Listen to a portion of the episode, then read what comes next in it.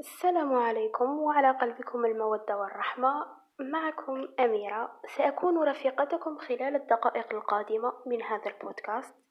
سأحاول جاهدة أن أنعشكم وأنعش قلوبكم بفقرة هاته التي لقبتها نبضات تحفيزية. سأرافقكم طيلة الأيام هاته. في كل يوم أحقنكم بجرعة من التفاؤل والتحفيز بإذن الله. لعل وعسى أنها تغير من منظوركم لأنفسكم وللعالم وبالتالي السمو بذواتكم وأرواحكم. في حلقة اليوم سأتكلم عن موضوع أعتبره جد هام. أسميته كيفية التخلص من علاقة قديمة والبدء من جديد. إذا أردت التخلص من علاقة قديمة مرهقة قد استنزفت كل قواك ومشاعرك وحطمتك كليا. عليك بالتوقف عن البحث عن الطرق والحلول لإعادة إحيائها.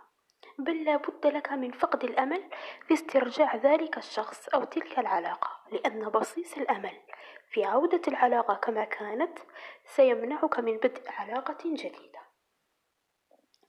فحتى تتعافى نهائيا من تلك المخلفات التي لا زالت جذورها ممتدة داخل تفكيرك عليك باقتلاعها جذريا والانفصال عما يرهقك والاقتراب ممن يهون عليك ويضيء عتمتك. لأن بقاءها سيولد في داخلك سلسلة من صور الألم والعتاب والحسرة عليها وحتى الأمل في عودتها. أكثر وسيلة ناجعة للتخلص هي التغيير والتجديد. لا أن تركن في الزاوية وتلقي اللوم على نفسك. ولا أن تتعاطى عقاقير إزالة الاكتئاب ومسكنات الألم لأنها بمجرد زوالها وزوال تأثيرها ستعود لسابق عهدك بل وأسوأ من السابق لأن هذه الآلام النفسية ستظهر لاحقا على شكل عاهات جسدية.